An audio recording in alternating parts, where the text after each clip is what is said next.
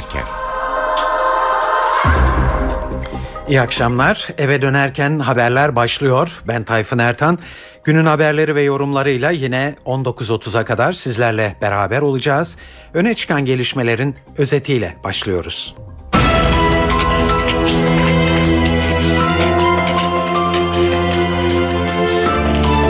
Diyarbakır'daki cenaze töreninin olaysız geçmesi AKP'de memnuniyet yarattı. Başbakan yardımcısı Bülent Arınç, görünen o ki artık herkes var olan sürecin bir an önce sonuçlanmasını istiyor dedi. Avrupa Parlamentosu gelecek ay Öcalan'la görüşmeler süreciyle ilgili özel bir oturum yapacak. Hayata veda eden gazeteci Mehmet Ali Birant yarın toprağa veriliyor. 7 ilde DHKPC üyesi olduğu iddiasıyla 85 kişi gözaltına alındı. Aralarında Çağdaş Hukukçular Derneği'nden avukatlar da var. Ve Suriye'de çatışmalardan gelen kurşunlar Ceylanpınar'daki ev ve iş yerlerine isabet etti.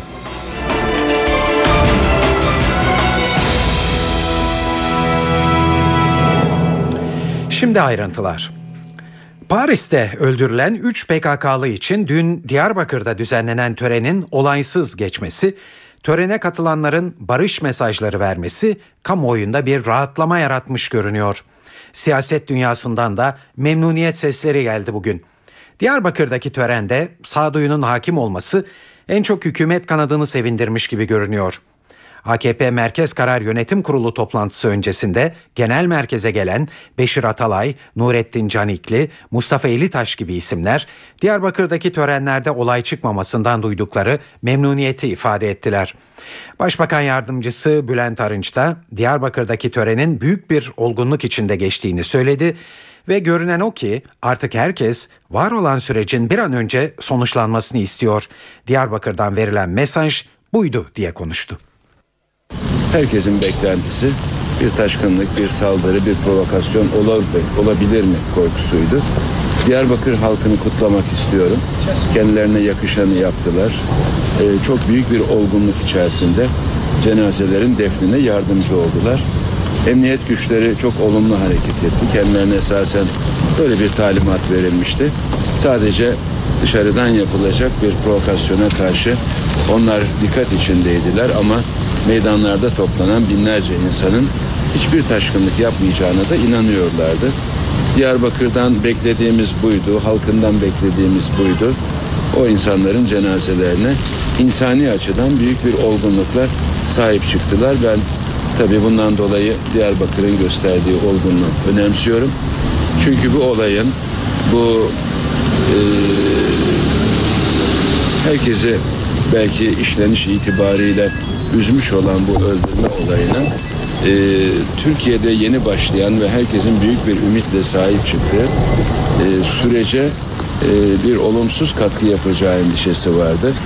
Bunun bu süreci bombalamak veya olumsuza çevirmek yolunda yapılmış olduğuna dair bazı iddialar vardı. Ama gördük ki herkes huzur ve sükunet istiyor. Herkes bu sürecin bir an evvel en güzel şekliyle sonuçlanmasını istiyor. Diyarbakır'dan dün verilen mesaj buydu. Ben bu mesaja bütün Türkiye'nin sahip çıkacağına inanıyorum. Dün Diyarbakır'da cenaze törenini yerinde izleyen bir bağımsız gözlemcinin izlenimiyle devam edelim. Hürriyet gazetesi yazarlarından Hüseyin Yayman'ın değerlendirmesi şöyle.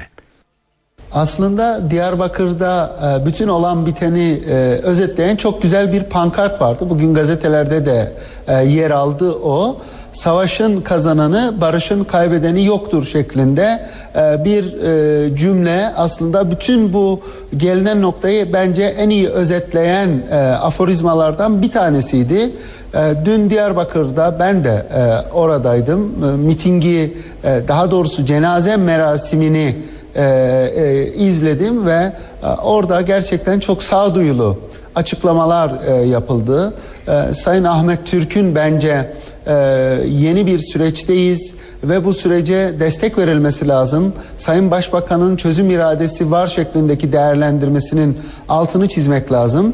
Sayın Selahattin Demirtaş'ın iki hafta önceki grup toplantısındaki bir parça ihtiyatlı ve çekimser dilini değiştirip E, biz bu sürecin destekliyoruz ve Öcalan'ın yol haritası bizim yol haritamız şeklindeki yeni dili bence e, hepimizin ümitlerini arttıran bir e, etki yaptı. E, ve bütün beklentilerinin e, aksine çok şükür ki Diyarbakır'da herhangi bir provokasyonun herhangi bir sabotajın olmaması aslında istenirse bu tür e, toplumsal e, eylemlerin hiç kimsenin burnu kanamadan çok rahat biçimde e, geçirilebileceğini bir kez daha gösterdi.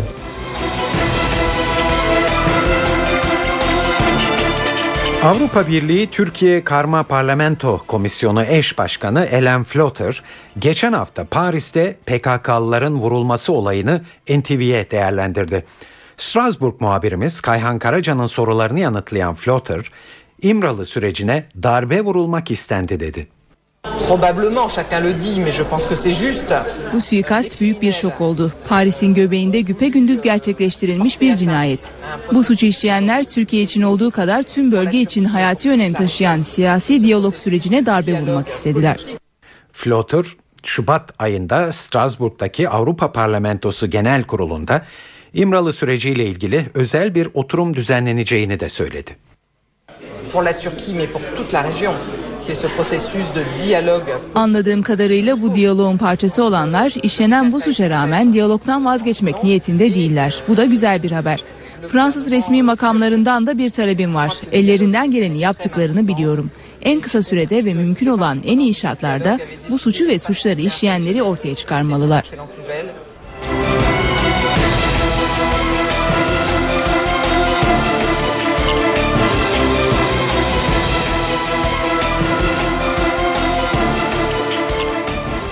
Vedalaşma zamanı geldi. Bu gece son defa karşınızdayım. Doğrusu ekranı bırakmak hiç içime sinmiyor. Ama tatile falan da çıkmıyorum. Bir süredir gördüğüm tedavi iyi sonuç verince yarın kendimi cerrahlara bırakıyorum. Önemli bir ameliyatım var. Dün kaybettik gazeteci Mehmet Ali Birand'ı. 11 Şubat 2011'de haber bültenini kapatırken böyle konuşuyordu ve ilk kez sağlık durumu ile ilgili olarak bu bilgileri veriyordu izleyicilerine. Aslında kötü değil, iyi bir haber veriyorum sizlere. Ameliyat olmam iyi bir haber. Sezon başında yine birlikte olacağız. Böyle ümit ediyorum. Sizleri bilmem ancak emin olun ben sizi çok özleyeceğim. Ancak o güne kadar da dualarınıza ihtiyacım var. Seveninizle, sevmeyeninizle. Dualarınızı esirgemeyin efendim. Evet Birand sözüne ettiği hastalığın üstesinden geldi ve ana haber bültenine geri döndü. Bu salı günü ise safra kesesindeki stendin değiştirilmesi için hastaneye yatmıştı. Ancak usta gazetecinin kalbi bu sefer dayanmadı. Evet meslektaşları olarak Mehmet Ali Birand'ı kaybettiğimiz için son derece üzgünüz tabii. Ve Mehmet Ali Birand'ı yarın son yolculuğuna uğurlayacağız. Birand, Teşvikiye Camii'nde kılınacak namazın ardından Anadolu Hisarı'ndaki aile kabristanında devr- e, defnedilecek. Cenaze töreniyle ilgili notları NTV muhabiri Yağız Şenkal'den öğreniyoruz. Mehmet Ali Birand'ın hayatını kaybettiği hastanenin önündeyiz. Birand'ın naaşı cenazesi hastanede ama ailesi burada değil. Ailesi Kavacık'taki evlerinde orada taziyeleri kabul ediyorlar. 71 yaşındaki duayen gazetecinin cenaze töreninin detayları da netleşti, belli oldu. Mehmet Ali Birand için ilk tören yarın 2005'ten beri görev yaptığı Kanal D'de Doğan Medya Sentrü'nde Bağcılar'daki binada gerçekleşecek. Saat 10'da yapılacak bu tören. Ardından da cenaze Teşvikiye Camii'ne getirilecek. Öğle namazının ardından da cenaze namazı kılınacak ve ardından da Mehmet Ali Birand'ın cenazesi Anadolu Hisarı'ndaki aile mezarlığında toprağa verilecek. 71 yaşında hayatını kaybetti. Mehmet Ali Birant dün akşam hayatını kaybetti. Birant hep hayatımızın içindeydi. Her akşam ana haberle evlerimize konuk oluyordu. En son da salı akşamı ana haber bültenini sunmuştu. Aslında basit bir ameliyat için buraya gelmişti. Çarşamba sabahı hastaneye yatmıştı. Safra kesesindeki e, stent değişimi yapılacaktı. Basit bir ameliyat diyoruz çünkü Birant da çarşamba akşamı bu bülteni sunacağını tahmin ediyordu. E, Öyle düşünüyordu. Hatta eşine bile haber vermemişti bu basit operasyon sırasında ancak operasyon sırasında kalbi durdu ve perşembe akşamı dün akşam hayatını kaybetti. Mehmet Ali Birant gerçekten Türkiye'de televizyon haberciliği açısından çok önemli bir isim. Kelimenin tam anlamıyla tam anlamıyla çığır açan bir isim. Uluslararası bir boyut getirdi Türk televizyonlarına, Türk haberciliğine ve o televizyonlardaki kuralları yazan isimlerden biriydi. Dediğim gibi salı günü daha salı günü ana haber bültenini sunmuştu ve yakın arkadaşı Cengiz Çandar'ın söylediği gibi bir ağaç gibi ayakta öldü. Evet Mehmet Ali Birant için cenaze töreni yarın cumartesi, cumartesi günü Teşvikiye Camii'nde gerçekleşecek. Evet Mehmet Ali Birand'ı en yakın tanıyan isimlerden biri gazeteci Hasan Cemal değil şüphesiz. Hasan Cemal için Birand'ın ölümü kelimelerin yetersiz kaldığı andı. Çok yakındık birbirimize. Aynı zamanda çok da rekabet içinde olduk yıllar içinde. Ve ben onu çok kıskandım birçok alanda. Anılarımız çok fazla ve daha fazla konuşamayacağım çünkü ama şunu söyleyeyim. Çok özleyeceğim onu. Kusura bakmayın. Bir başka gazeteci Nazlı Ilıcak, Birand için hiçbir şey imkansız değildi diyor. Mehmet Ali benim çok sevdiğim bir arkadaşımdı. Ben onun Türkçeli yıllardan beri tanırım. Sevil Sostor'un yakın arkadaşıydı. Lozan'a gelip giderdi. Çok daha yeni yetme bir gazeteciydi. Adım adım onun ilerlemesini ben şahit oldum. Hırslıydı. Onun için hiçbir şey imkansız değildi. Her şeyi başarabileceğini düşünürdü. Bakın e, ağır hastalıklar geçirmesine rağmen hep dimdik ayaktaydı. Yani bu da çok önemli. Büyük irade sahibiydi. Hiçbir zaman hastalıktan söz etmezdi. Hep hayata tutunurdu. Bir gün daha nefes alıyorum, bir 24 saat daha yaşıyorum diye düşünürdü. Gazeteci Murat Yetkin de Birand'ın gazeteciliğinin yanı sıra demokrasiye de katkı sağlayan bir isim olduğu görüşünde.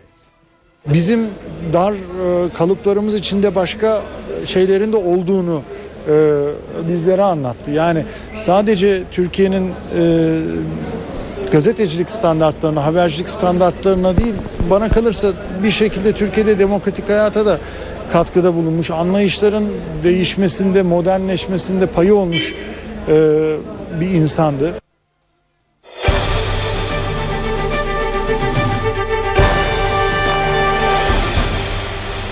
Saat 18.12 NTV Radyo'da eve dönerken haberleri dinliyorsunuz. İstanbul, Ankara ve İzmir'in de aralarında olduğu 7 ilde eş zamanlı aramalarda DHKPC üyesi olduğu iddiasıyla 85 kişi gözaltına alındı. Bu kişiler arasında Çağdaş Hukukçular Derneği Başkanı'nın da bulunduğu 13'te avukat vardı. Avukatlar cezaevinde bulunan örgüt liderlerinden aldıkları talimatları örgüt üyelerine aktarmakla suçlanıyor. Gelişmenin ayrıntılarını NTV muhabiri Gökhan Gerçek anlatıyor. Sultan Gazi'deki geçen yıl gerçekleştirilen canlı bomba eyleminin ardından başlamıştı hazırlık soruşturması ve 2 yıllık teknik takibin ar- ardından bu noktaya gelindi. Yeni eylem hazırlığında olduğu gerekçesiyle örgütün bugün düğmeye basıldı ve Türkiye geneline yayılan bir operasyon dalgası başlatıldı. Başkentte de aramalar var. Başkentte 5 kişi hakkında arama yakalama ve gözaltı kararı var. Bunlardan 3'ü avukat. Çağdaş Hukukçular Derneği Genel Başkanı Selçuk Kozağaçlı'nın da aralarında bulunduğu 3 avukat hakkında da yakalama kararı bulunuyor. Evet 85 isim için bu karar çıkartıldı İstanbul 2. Özgürlük Hakimi tarafından ama e, DHKPC'ye yönelik olduğu ifade edilen operasyonda çok sayıda avukat içinde bu karar alınmış durumda. İddia kuryelik. Evet avukatlar cezaevinde bulunan örgüt yöneticilerinden e, aldıkları bilgileri dışarıya örgüt üyelerine e, götürüyorlardı ve eylemler bu şekilde gerçekleştiriliyordu. İşte 13 avukat bu kuryeli yapmakla suçlanıyor. Çağdaş Hukukçular Derneği'ndeki aramalar devam ediyor. İmaj alma işlemleri sürüyor. Tüm gözaltılar Türkiye genelindeki 85 gözaltına e, gözaltına alınan 85 isim e, akşam saatlerinde soruşturmanın yürütüldüğü İstanbul'a götürülecek. Şimdilik söyleyeceklerimiz bunlar. DHKPC'ye yönelik bir operasyon ama canlı bomba eylemi gerekçesiyle başlatılan bir operasyon ama 13 avukat da gözaltına alınacak İstanbul'a götürülüp sorgulanacak. Avukatların tutuklanmasına Avrupa'dan hemen tepki geldi. Fransız Barolar Birliği DHKPC operasyonlarında avukatların gözaltına alınmasını yayınladığı sert üsluplu bir basın açıklamasıyla protesto etti. Baro, demokratik özgürlüklere yönelik aralıksız süren ihlaller diyor ve diyor bu nedenle Türkiye'nin Avrupa Konseyi ve Avrupa İnsan Hakları Mahkemesi üyeliklerinin askıya alınması çağrısında bulundu. Bu tepkinin ayrıntısını Kayhan Karaca derledi. Fransız Barolar Birliği İstanbul, Ankara ve İzmir'in de aralarında olduğu 7 ilde bugün düzenlenen DHKPC operasyonlarında 13 avukatın gözaltına alınmasını yayınladığı sert üsluplu bir basın açıklamasıyla protesto etti. Baro, demokratik özgürlüklere yönelik aralıksız süren ihlaller nedeniyle Türkiye'nin Avrupa Konseyi ve Avrupa İnsan Hakları Mahkemesi üyeliklerinin askıya alınması çağrısında bulundu. Fransız Barolar Birliği Başkanı Christian Charrier Bournazel tarafından yapılan açıklamada bu tür tutuklamaların sistematik hale geldiği ve avukatların siyasi nedenlerden ötürü gözaltına alındıkları görüşü dile getirildi. Türkiye'nin Avrupa Konseyi üyesi olduğunun hatırlatıldığı bildiride Avrupa İnsan Hakları Sözleşmesi'ni umursamadığı ve demokratik özgürlüklere yönelik aralıksız ihlaller nedeniyle Türkiye'nin 1949 yılından bu yana üyesi olduğu Strasbourg merkezli Avrupa Konseyi ve Avrupa Konseyi'ne bağlı çalışan İnsan Hakları Mahkemesi üyeliklerinin askıya alınması talep edildi. Kayhan Karaca, NTV Radyo, Strasbourg. Saat 18.23 NTV Radyo'da eve dönerken haberler günün öne çıkan gelişmelerinin özetiyle devam ediyor. Dün Diyarbakır'daki cenaze töreninin olaysız geçmesi AKP'de memnuniyet yarattı. Başbakan yardımcısı Bülent Arınç, görünen o ki artık herkes var olan sürecin bir an önce sonuçlanmasını istiyor dedi. Avrupa Parlamentosu gelecek ay Öcalan'la görüşmeler süreciyle ilgili olarak özel bir oturum düzenleyecek. Dün hayata veda eden gazeteci Mehmet Ali Birant yarın toprağa veriliyor. Ve 7 ilde DHKPC üyesi olduğu iddiasıyla 85 kişi gözaltına alındı. Aralarında Çağdaş Hukukçular Derneği'nden avukatlar da var.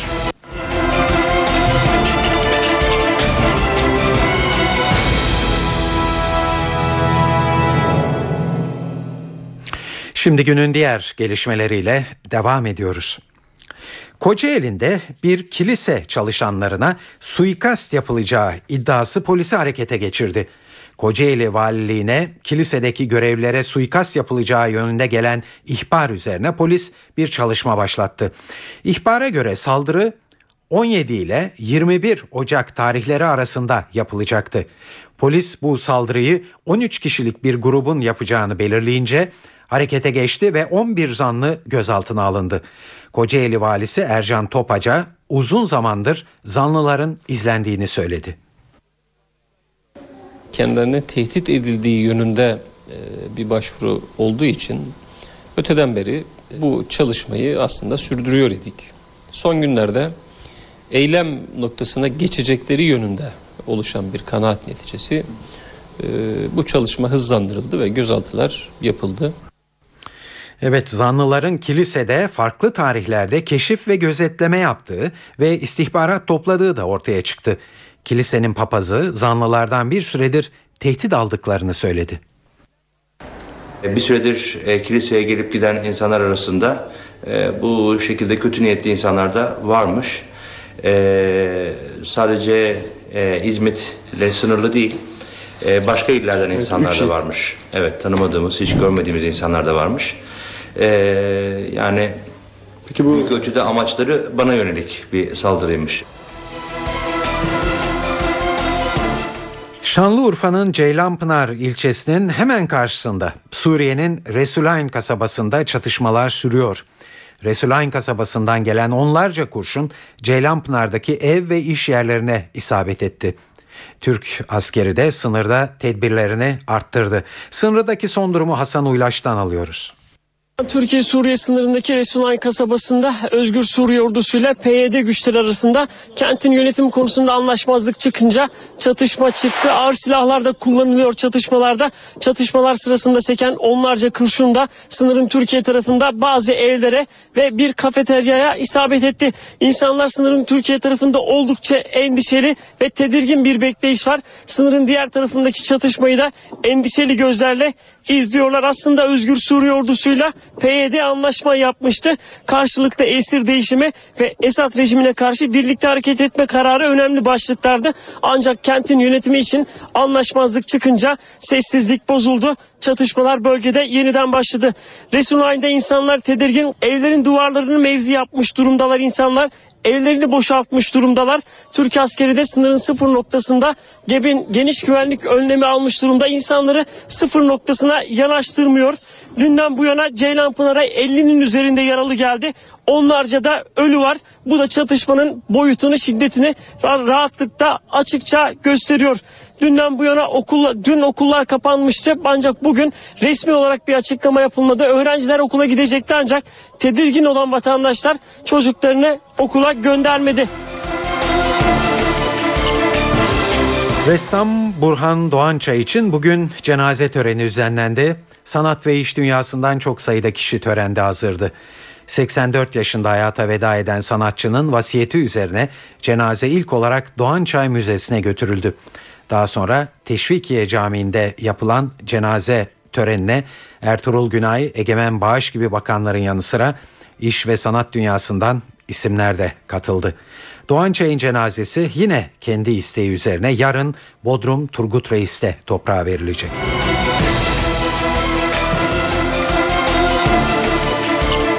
Saat 18.28 NTV Radyo'da eve dönerken haberler bugün para ve sermaye piyasalarında yaşanan gelişmelerle devam edecek. Ayrıntıları CNBC'den Enis Şenerdam anlatıyor. İyi akşamlar. Çin'den gelen güçlü veriler küresel piyasaları desteklemeye devam ediyor. Küresel büyümenin lokomotifi olarak görülen Çin'in 2012'nin son çeyreğinde %7.9 büyüdüğünü açıklaması borsalarda alımların devam etmesini sağladı. Güne yatay görünümle soluklanarak başlayan İMKB ise ikinci seansla birlikte tekrar hızlı yükseliş trendine girdi ve 85.500 seviyesini aşarak rekor tazeledi. Borsa haftanın son işlem gününü ise %0.17'lik yükselişle 85.000 seviyesinin hemen üzerinde tamamladı. Para piyasalarında Euro'nun dolar karşısında sınırlı da olsa değer kaybettiğini takip ettik. Parite 1.33 sınırına kadar geriledi. İçeride ise dolar TL 1.75'e kadar geriledikten sonra günü 1.76 seviyesinden tamamladı. Bu hafta içerisinde TL'ye yabancı ilgisinin devam etmesiyle dolar TL kuru Mayıs 2012'den bu yana gördüğü en düşük seviyeleri gerilemişti. Tahvil piyasasında ise yatay görünüm vardı. Gösterge tahvilin faizi %6 seviyesinin altındaki seyrini bugün de devam ettirdi. Evet piyasalar böyle. Ee, şimdi yurt genelinde hava tahminleri için sözü NTV Meteoroloji Editörü Gökhan Abur'a bırakıyoruz. İyi akşamlar. Yarın Trakya ve Kuzey Ege, pazar günü ise Karadeniz ve iç kesimlerde sıcaklıklar az da olsa azalacak. Ama önümüzdeki hafta yeniden yükselmesini bekliyoruz. Batı ve Akdeniz'de lodos yine kuvvetli. Yer yerde fırtına şeklinde esecek ve giderek yağışları kuvvetlendirecek. Batı bölgeleri etkisi altına alan yağışlar iç kesimlere doğru ilerliyor. Bu gece Ege kıyılarında kuvvetlenecek yağışlar Batı Akdeniz'deki etkisini de arttıracak. Yarın Ege, İç Anadolu'nun batısı ve Akdeniz'e daha kuvvetli olmak üzere Marmara ve Batı Karadeniz'de de yağışlar görülecek. Yağışların Muğla, Antalya, Burdur, Isparta arasından çok daha kuvvetli olmasını bekliyoruz. Pazar günü yağışlar zayıflıyor. Kıyı Ege'de yağmur, doğuda ise hafif kar yağışları görülecek. Trakya, Kıyı Ege, Batı Akdeniz'deki yağışların pazartesi gününde aralıklarla devam etmesini bekliyoruz. İstanbul'da bu gecede sağanak yağmur var. Yarın yağmur hafifleyecek ve sıcaklık 10 derece olacak. Pazar günü havanın parçalı bulutlu olmasını bekliyoruz. Ankara'da yarın yağmur kuvvetli. Sıcaklık 6 derece. Pazar günü hava parçalı bulutlu olacak. İzmir'de bu gece ve yarın kuvvetli sağanak yağmur var. Öğleden sonra güneş kendisini gösterecek ve sıcaklık 13 dereceye kadar çıkacak. Pazar günü ise yine hafif yağış geçişleri görülebilir. Hepinize iyi hafta sonları diliyorum. Hoşçakalın. Sırada çeşitli etkinliklerden derlediğimiz kültür sanat haberlerimiz var.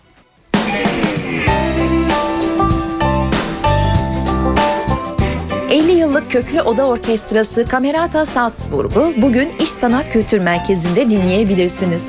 Topluluğa solist ve şef olarak piyanist Piotr Andersevski eşlik edecek. Konserin başlama saati 20. Bronx'ta ise ilginç bir grup var bugün. Altyapıları İskandinav rock müziği olan ve konser tanıtım metninde kafa sesi tekniği kullandıkları yazan Who Made Who adlı grup konser verecek. Canlı performanslarının dikkat çekici olduğu söylenen grup saat 22'de sahnede olacak. Nardis Jazz Club'da ise bugün iki gitarist İsveçli Gustav Lundgren ve Bilal Karaman birlikte konser verecek. Konser 22.30'da.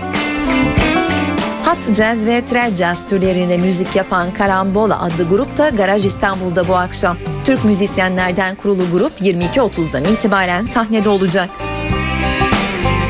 Bugün ayrıca Marsis saat 21.30'da İstanbul Live'da, Sema Mortiz saat 20'de Cemal Reşit Rey konser salonunda ve Prince Thomas Orchestra saat 21.30'da Salon İKSV'de olacak. Salonda yarın da çok özel bir etkinlik var. Türkiye'nin ilk ve en uzun soluklu canlı radyo programı Stüdyo FM için yarın akşam özel bir gece düzenlenecek mekanda. Saat 20'den itibaren NTV Radyo'dan da canlı yayınlanacak gecede. DJ set başında Yavuz Aydar ve Şebnem Savaşçı'nın yanı sıra Sevin Okyay, Sedat Ergin ve Yavuz Baydar da olacak. Ankara'ya geçelim. Manga grubu Düşümdeki Okul Projesi yararına yeni bir etkinlik kapsamında bugün Ankara'da bir konser verecek. Anadolu Gösteri Kongre Merkezi'ndeki konser saat 19'da başlayacak.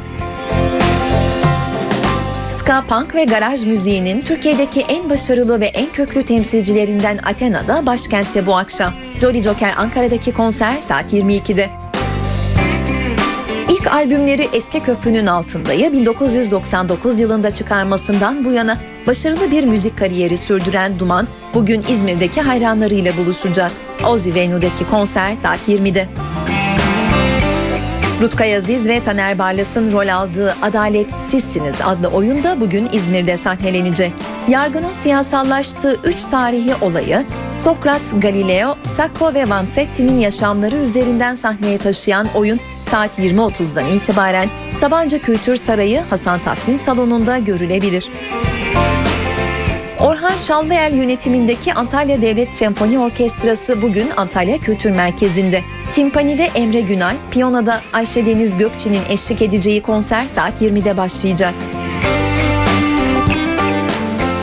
Başroldeki Anne Hathaway'in kariyerindeki en iyi performanslardan birini sunduğu Rachel Getting Married bugün saat 22'de CNBC-E'de. İç acıtan, sarsıcı ve etkileyici bir aile dramı olarak tanımlanan filmin öncesinde ise saat 19'da Rizzoli Isles, 20'de Gossip Girl, 21'de de Revolution adlı diziler ekranda olacak.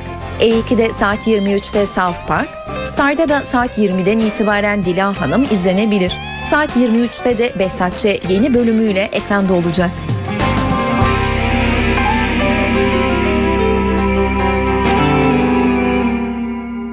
Eve dönerken haberler dünyada en çok konuşulan gelişmelerle devam ediyor. Mali'de kara harekatına başlayan Fransa'nın El-Kaide bağlantılı radikal gruplarla çatışmaları sürüyor. Yaşanan kaos nedeniyle binlerce kişi evlerini terk ediyor. Komşu ülkelere sığınanların sayısı 145 bini geçti. Muhalifler kamyonetlerle geziyor ve uçak sesi duyduklarında bizim evlerimize gelip saklanıyorlar. Artık güvende olmadığımızın farkındayız ve evlerimizi terk ediyoruz. Yanımıza üstümüzdeki elbiselerden başka bir şey alamadan gidiyoruz. Mali'de istikrar yeniden sağlanana kadar operasyonların devam edeceğini açıklayan Fransa ise ülkedeki asker sayısını arttırıyor. Nijer ve Togo'dan da Mali'ye asker gönderiliyor. Ama kara harekatında muhaliflerin daha avantajlı olduğu yönünde iddialar var. Buna sebep olarak da Fransız ordusunun eğitim ve teçhizat konusunda yetersiz kaldığı gösteriliyor. Fransız yetkililer de Mali operasyonunun uzun ve kanlı olabileceği uyarısında bulunuyorlar. Mali'de Fransa'nın başlattığı operasyonu protesto etmek isteyen marjinal İslamcı gruplar dün Cezayir'de bir doğal gaz tesisini basmışlardı biliyorsunuz. Ancak Cezayir askerlerinin tesislerdeki rehineleri kurtarmak adına yaptıkları hava operasyonu adeta bir felakete dönüştü. İlk bilgiler rehineleri kurtarmak niyetiyle başlatılan operasyonda 30 rehinenin ve 11 militanın öldüğü yönünde. Baskın sırasında doğal gaz tesisinde bulunan 3 Türk vatandaşının da bir şekilde kaçtığı ortaya çıktı. Cezayir'in fiyaskoyla sonuçlanan kurtarma operasyonu Avrupa'da özellikle Fransa'da büyük bir tepkiyle karşılandı. NTV Fransa muhabiri Kayhan Karaca'dan bu tepkileri özetlemesini istedik. Fransa'nın Mali operasyonuna bağlı olarak İslamcı militanlar tarafından Cezayir'in Libya sınırındaki Ayn Emnas kentinde bir doğalgaz tesisine düzenlenen eylemde devam ediyor. Cezayir ordusu saldırganların elinde olan 639 rehinenin kurtarıldığını açıkladı. Kurtarılanlardan 573'ünün Cezayirli, diğerlerinin yabancı olduğu belirtiliyor. Cezayirli yetkililer şu an için ölü sayısından söz etmiyor ancak yaklaşık 60 kişinin kayıp olduğunu söylüyor. Tesiste çalışan yabancı uyruklu sayısının 130'un üzerinde olduğu söylenmekte. Operasyon sırasında bir saldırganın ele geçirildiği haberini veren Cezayir basını söz konusu kişinin saldırganların 32 kişi olduğunu söylediğini aktarıyor. Değişik kaynaklar tarafından dün akşam yapılan açıklamalarda rehine kurtarma operasyonunda çoğu yabancı en az 30 kişinin öldüğü haberi verilmişti. Cezayirli yetkililer operasyonu gerekliydi olarak haklı çıkarmaya çalışırken Batı ülkeleri ve Batı medyası operasyonu fiyasko olarak değerlendiriyor. Pakistan'ın başkenti İslamabad'da günlerdir süren hükümet karşıtı protestolar sona erdi. Eylem çağrısıyla on binlerce kişiyi sokağa döken Kur'an'ın yolu hareketi lideri Tahir Ülkadir'le hükümet arasında anlaşma sağlandı. Tahir Ülkadir'in kurşun geçirmez karavanında imzalanan anlaşmaya göre 16 Mart'a kadar parlamento feshedilecek ve 90 gün içinde seçime gidilecek. Parlamento binası dışında yürütülen protestonun organizatörlerine ve katılımcılarına karşı açılan davaların iptal edilmesini de içeren bu anlaşma seçim yasasında da reform yapılmasını öngörüyor. Günlerdir parlamento önündeki çadırlarda kalan Pakistanlılar anlaşma sağlanmasından memnundu.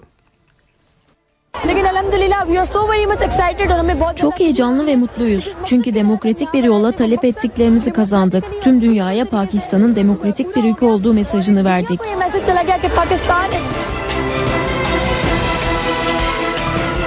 Yunanistan Maliye Bakanı Yanis Sturnayaras ekonomik göstergelerin iyileşmeye başladığını açıkladı. En kötüsünü atlattık diyerek iyimser konuştu. Bakan Sturnaras göstergelerin iyimser olduğunu ve Euro bölgesinden çıkma ihtimalinden biraz daha uzaklaşıldığını söyledi. Ancak bu yılın yine de zorlu geçeceğine dikkat çekti ve halktan sabırlı olmalarını istedi. Yes, the worst is over.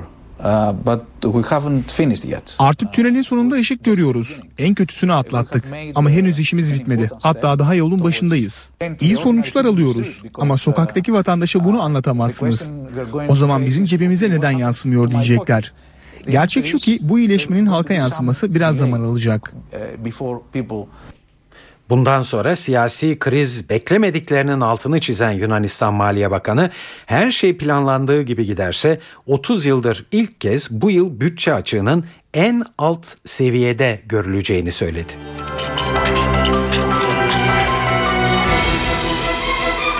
Uluslararası kredi derecelendirme kuruluşları Avrupa borç krizi süresince birçok Avrupa ülkesinin notunu düşürdüğü zamanlarda politikacıları epey kızdırmıştı. Avrupa Parlamentosu adeta kötü geçen günlerin intikamını alırcasına kredi derecelendirme kuruluşlarına bazı sınırlamalar getiriyor. Örneğin kredi kuruluşları ülkelerin notunu istediği zaman değiştiremeyecekler ve ülkelere yılda sadece 3 kere not verebilecekler. Ayrıca ülkelerin kredi notları piyasalar kapandıktan sonra açıklanacak. Kredi derecelendirme kuruluşlarına dava açılması da kolaylaşıyor.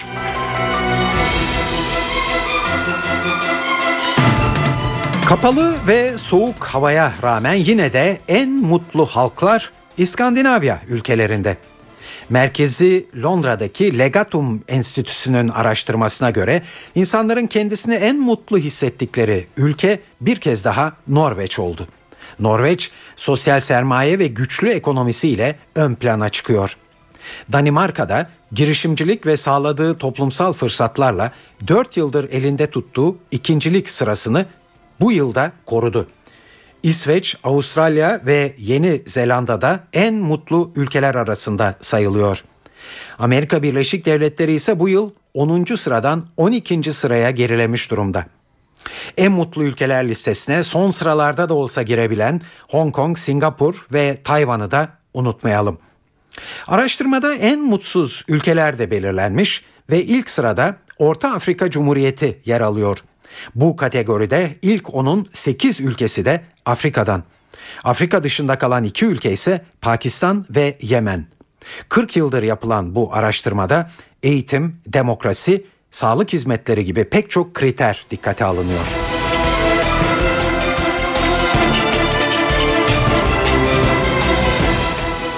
Saat 18.47 sırada bir dizi futbol haberi var.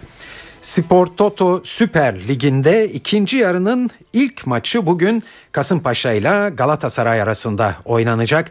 Ligin ilk yarısını en yakın rakipleri Beşiktaş'la Medikal Park Antalya Spor'un 3 puan önünde tamamlayan Galatasaray'da Afrika Uluslar Kupası'na giden Amrabat ve Eboe ile sakatlığı süren Ufaluji Kasımpaşa'ya karşı forma giyemeyecek.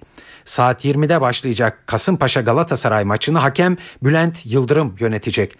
Maç öncesinde notları NTV Spor muhabiri Onur Tuğrul derledi.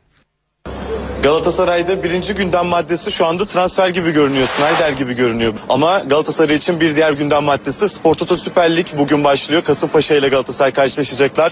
Recep Tayyip Erdoğan stadında saat 20'de başlayacak maç ve Bülent Yıldırım yönetecek. İki takımda da bazı eksikler var. Galatasaray'da Afrika Uluslar Kupası'nda bulunan e, Ebue ve Amrabat oynayamayacak. Aynı şekilde sakatlıkları sakatlığı devam eden Thomas Uyfaluji de bugün kadroda yerini alamayacak. Kasımpaşa'da da bazı eksikler var. Özellikle Savunmada iki cezalı oyuncu var. Sağ bek mevkinde görev yapan Sancak ve savunmanın göbeğindeki tecrübeli isim İlhan Eker de cezası nedeniyle bugün Kasımpaşa formasını giyemeyecek. Kasımpaşa'da bir diğer eksikte yine Afrika Uluslar Kupası'nda bulunan Calma hücum hattının önemli bir oyuncusuydu. Bugün Kasımpaşa ondan faydalanamayacak. İki takım bundan önce ligde 17 kez karşılaştılar. Bu karşılaşmalardan 12'sini Galatasaray kazandı ve Kasımpaşa sadece bir kez sahadan galibiyetle ayrıldı. Ligin ilk maçında Türk Telekom Arena'da Galatasaray rakibi Kasımpaşa'yı 2-1 mağlup etmişti. E, bu maçta ligin ilk maçıydı. Galatasaray şu anda 33 puanla lider e, durumda. Kasımpaşa'da 9. sırada ama Kasımpaşa bugün kazandığı takdirde maç fazlasıyla da olsa 5. sıraya kadar yükselecek. Galatasaray'ın bu akşamki muhtemel 11'ini verelim isterseniz. E, kalede yine Muslera'nın olmasını bekliyoruz. Savunmada sağ tarafta Ebue'nin yokluğunda Sabri Sarıoğlu'nun forma giymesini beklerken e, savunmanın ortasında Semih Dani ikilisini sol bekte de Riera'nın oynamasını bekliyoruz. Orta alanda e, sağ tarafta Hamit, e, orta alanda Melo. Bu arada hemen bir not belirtelim. Hamit ve Melo e, bugün sarı kart sınırındalar. Kasımpaşa maçında sarı kart görmeleri halinde gelecek hafta Türk Telekom Arena'da oynanacak Beşiktaş derbisinde forma giyemeyecekler. E, sağ tarafta Hamit, orta ikili de Selçuk, Melo ve sol tarafta Abramat'ın da yokluğunda Emre Çolak'ın forma giymesini bekliyoruz. Galatasaray'ın bugün hücum hattında da Umut ve Burak'la oynamasını tahmin ediyoruz. Doping kullandığı gerekçesiyle 7 Fransa bisiklet turu şampiyonluğu elinden alınan Amerikalı bisikletçi Lance Armstrong adeta günah çıkardı. Doping yaptığını kabul eden Armstrong kusurlu bir karaktere sahibim dedi. İtirafının detaylarını NTV New York temsilcisi Selim Atalay anlatıyor. Amerika'da adettir bir büyük kabahat işledikten sonra ilgililer gelip bir de kamuoyuna itirafta bulunurlar ve o genellikle bir televizyon kanalı olur. Bu kez de e, Armstrong zaten yetkililerin bildiği, herkesin yıllardır öne sürdüğü ve yıllardır e, reddettiği, inkar ettiği doping olayını e, Amerika'nın en güvenilir e, ve derdinizi anlatabileceğiniz e, televizyon anchor'ı sayılan Oprah Winfrey'e anlattı.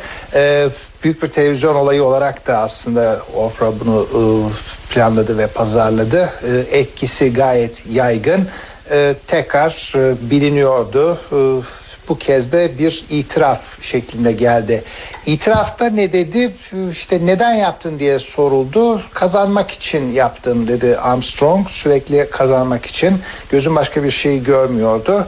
Ve e, 1970'lerde e, Doğu Almanya'da yapıldığı kadar kötü değildi dedi. Yani daha hafifletici nedenler aradı kendisine göre.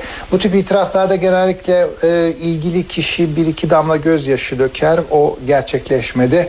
Hatta Lance Armstrong bazen e, kendisini övüyor mu yoksa savunuyor mu onu da anlamakta güçlük çektiğimiz sahneler oldu.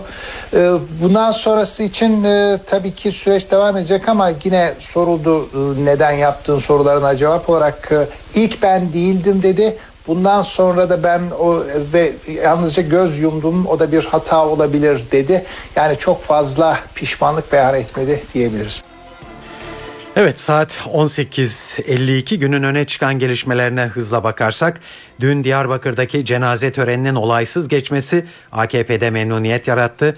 Başbakan yardımcısı Bülent Arınç görünen o ki artık herkes var olan sürecin bir an önce sonuçlanmasını istiyor dedi. Hayata veda eden gazeteci Mehmet Ali Birant yarın toprağa veriliyor. Dün Diyarbakır'daki cenaze töreninin olaysız geçmesi AKP'de memnuniyet yarattı. Başbakan yardımcısı Bülent Arınç görünen o ki artık herkes var olan sürecin bir an önce sonuçlanmasını istiyor dedi. Avrupa Parlamentosu gelecek ay Öcalan'la görüşmeler süreciyle ilgili özel bir oturum yapacak. Dün hayata veda eden gazeteci Mehmet Ali Birant yarın toprağa veriliyor. Ve 7 ilde DHKPC üyesi olduğu iddiasıyla 85 kişi gözaltına alındı. Aralarında Çağdaş Hukukçular Derneği'nden avukatlar da var.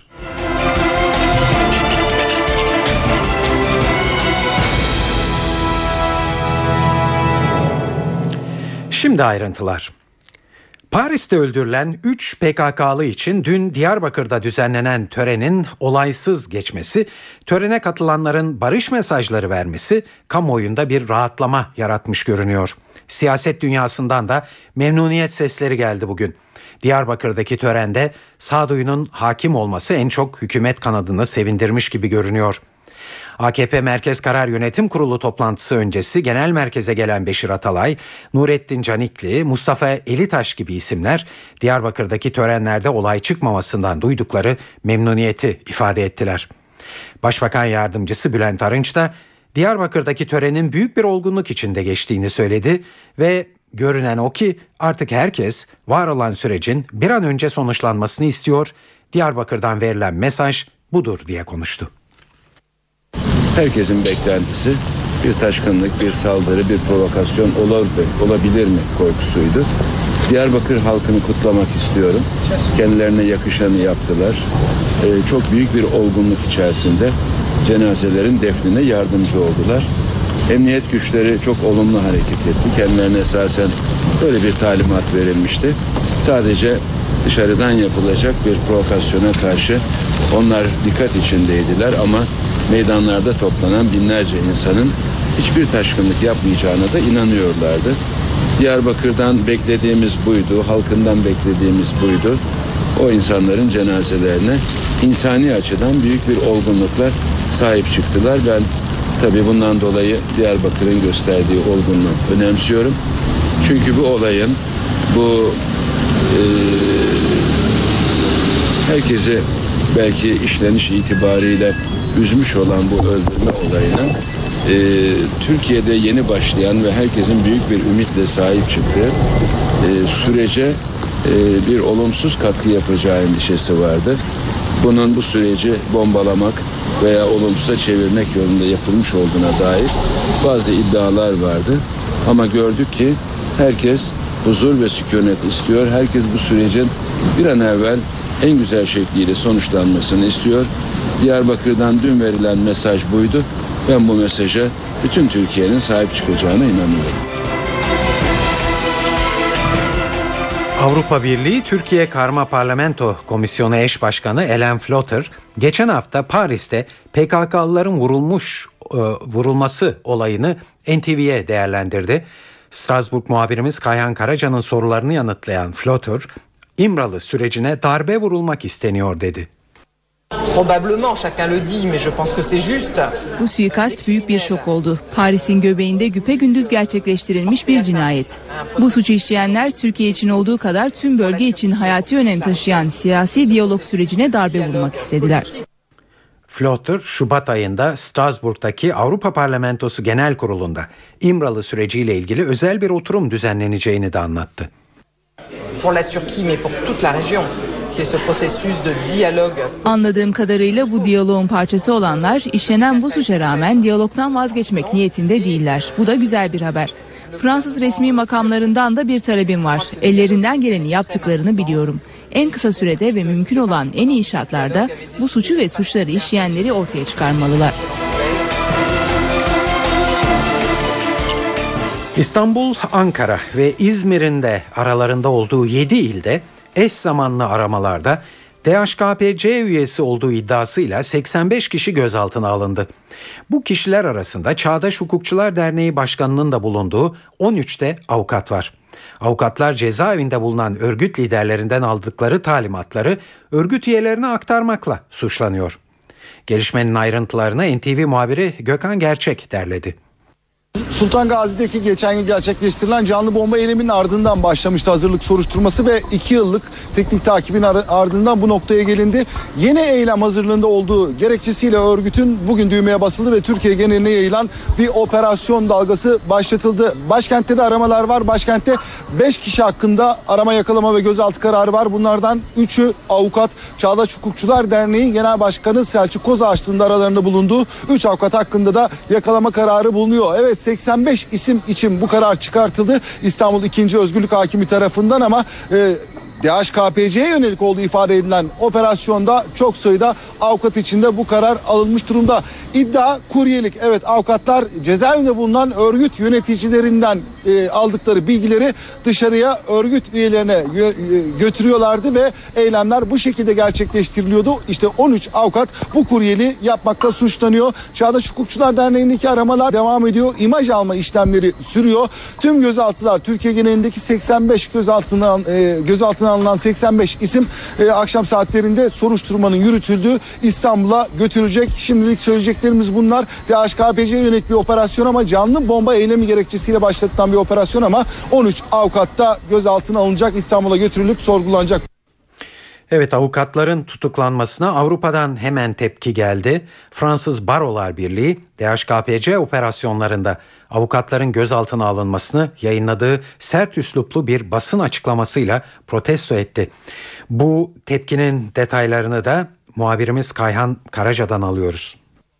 Fransız Barolar Birliği İstanbul, Ankara ve İzmir'in de aralarında olduğu 7 ilde bugün düzenlenen DHKPC operasyonlarında 13 avukatın gözaltına alınmasını yayımladığı sert üsluplu bir basın açıklamasıyla protesto etti.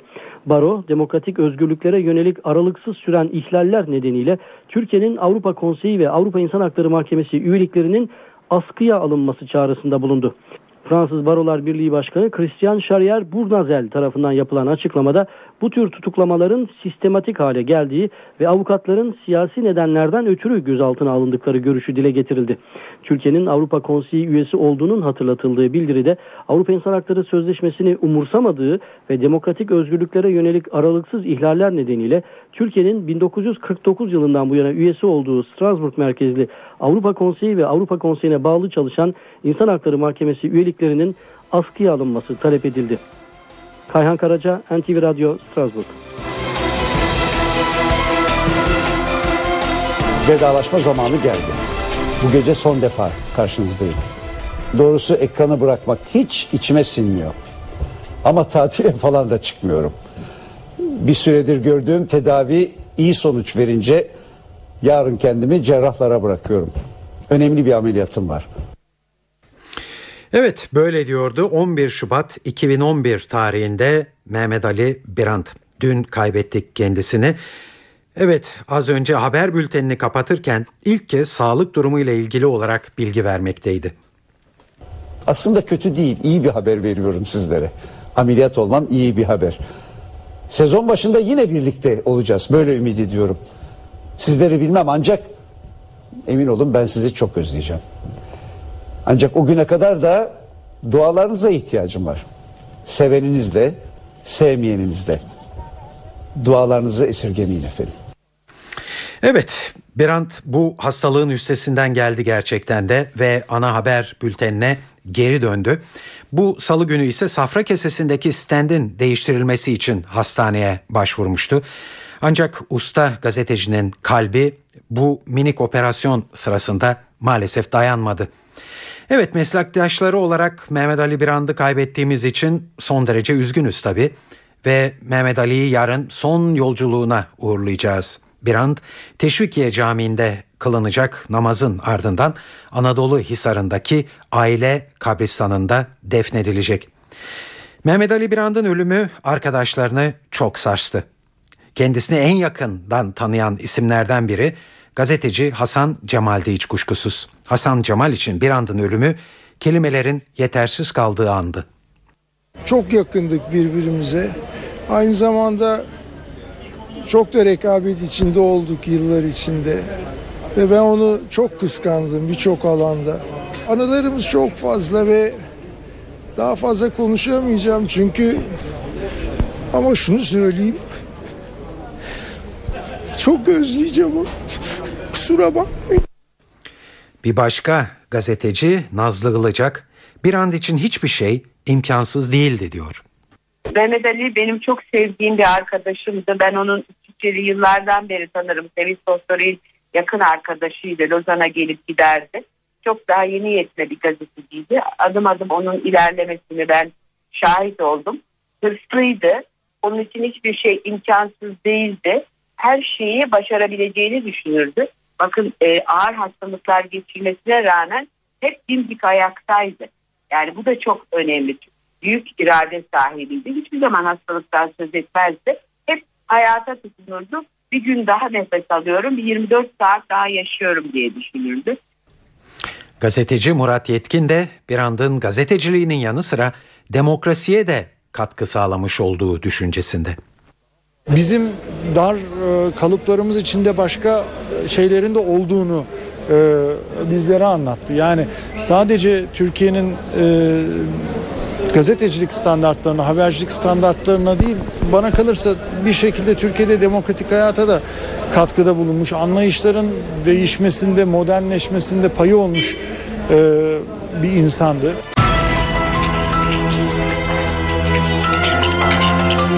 Evet size bugünkü kültür sanat faaliyetlerini yansıtacağız. Bir de vizyona tabii yeni filmler girdi. Onlar hakkında bilgi vereceğiz ama bunlara geçmeden önce hızla bir size bir son dakika gelişmesini yansıtayım.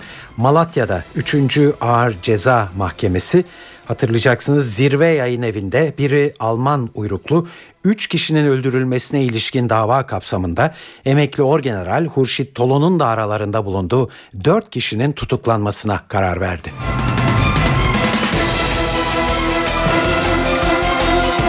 Evet sırada kültür sanat faaliyetlerinden derlediğimiz haberler var.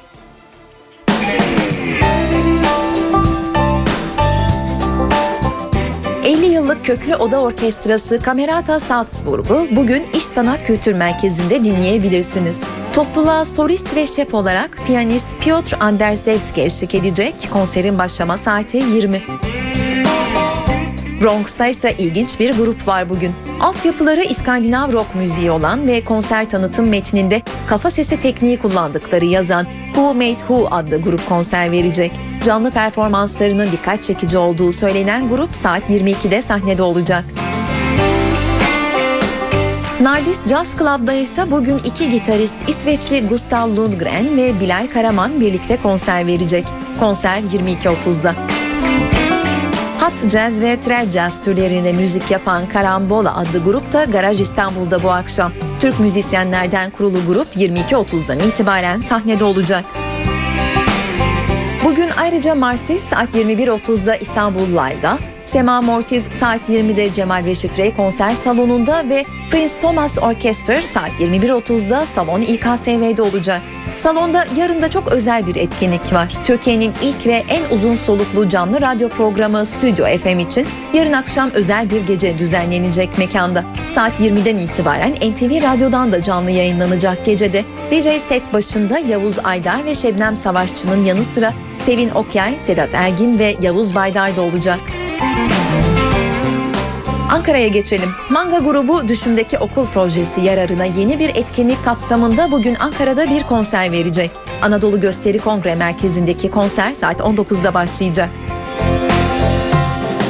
Ska, punk ve garaj müziğinin Türkiye'deki en başarılı ve en köklü temsilcilerinden Athena'da başkentte bu akşam. Jolly Joker Ankara'daki konser saat 22'de.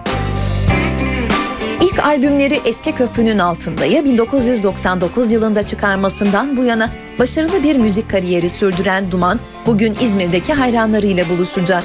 Ozzy Venue'deki konser saat 20'de. Rutkay Aziz ve Taner Barlas'ın rol aldığı Adalet Sizsiniz adlı oyunda bugün İzmir'de sahnelenecek.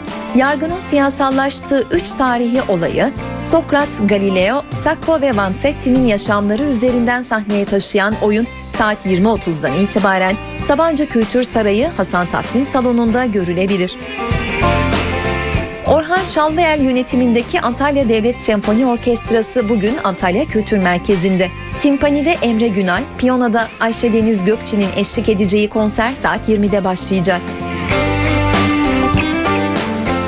Başroldeki Anne Hathaway'in kariyerindeki en iyi performanslardan birini sunduğu Rachel Getting Married bugün saat 22'de CNBC-E'de. İç acıtan, sarsıcı ve etkileyici bir aile dramı olarak tanımlanan filmin öncesinde ise saat 19'da Rizzoli and Isles, 20'de Gossip Girl, 21'de de Revolution adlı diziler ekranda olacak. E2'de saat 23'te South Park, Star'da da saat 20'den itibaren Dila Hanım izlenebilir. Saat 23'te de Behzatçı yeni bölümüyle ekranda olacak.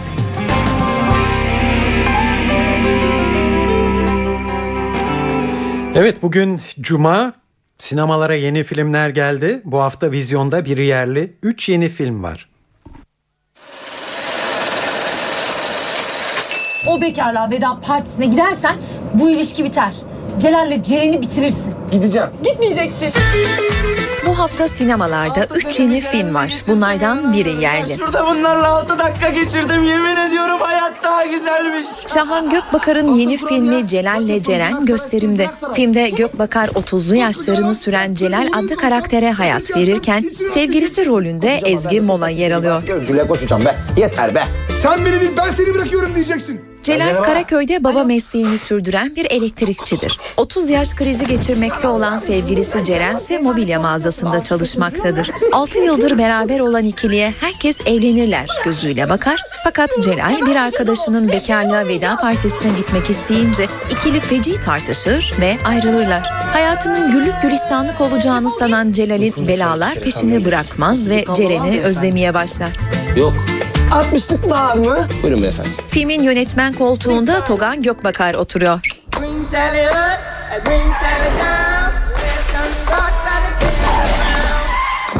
Mark Wahlberg ve Russell Crowe'u ilk kez bir araya getiren Broken City. Türkçe vizyon adıyla Bitik Şehir ise politik gerilim severlere hitap ediyor.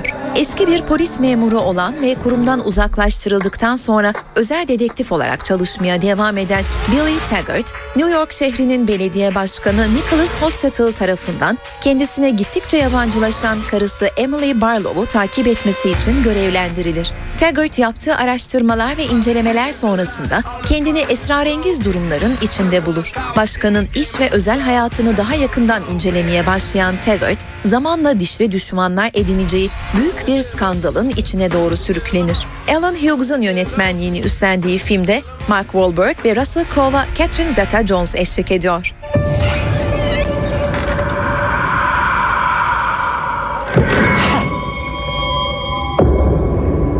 Victoria and Lily were found in deplorable conditions. Their parents gone. İspanyol sinemacı Andres Muschietti,'nin 2008 yılında çektiği kısa filmine dayanan Mama'da gerilim korku türünde. Victoria ve Lily anne ve babası ormanın derinliklerinde öldürüldüğünde henüz çok küçük iki kız kardeştir. Vahşi doğada yapayalnız kalırlar ve 5 yıl boyunca nasıl hayatta kaldıklarını kimse çözemez.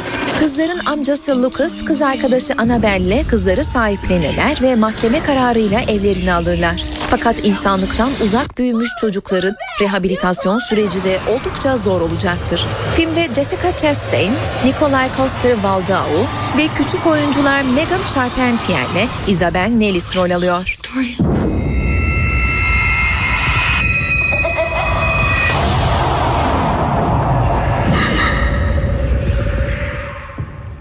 Saat 19.25 NTV Radyo'da eve dönerken haberler bu akşam burada sona eriyor. Bu yayının editörlüğünü Onur Koçaslan, stüdyo teknisyenliğini Çağatay Can Saka yaptı. Ben Tayfun Ertan. Hepinize iyi akşamlar ve iyi bir hafta sonu diliyoruz. Hoşçakalın.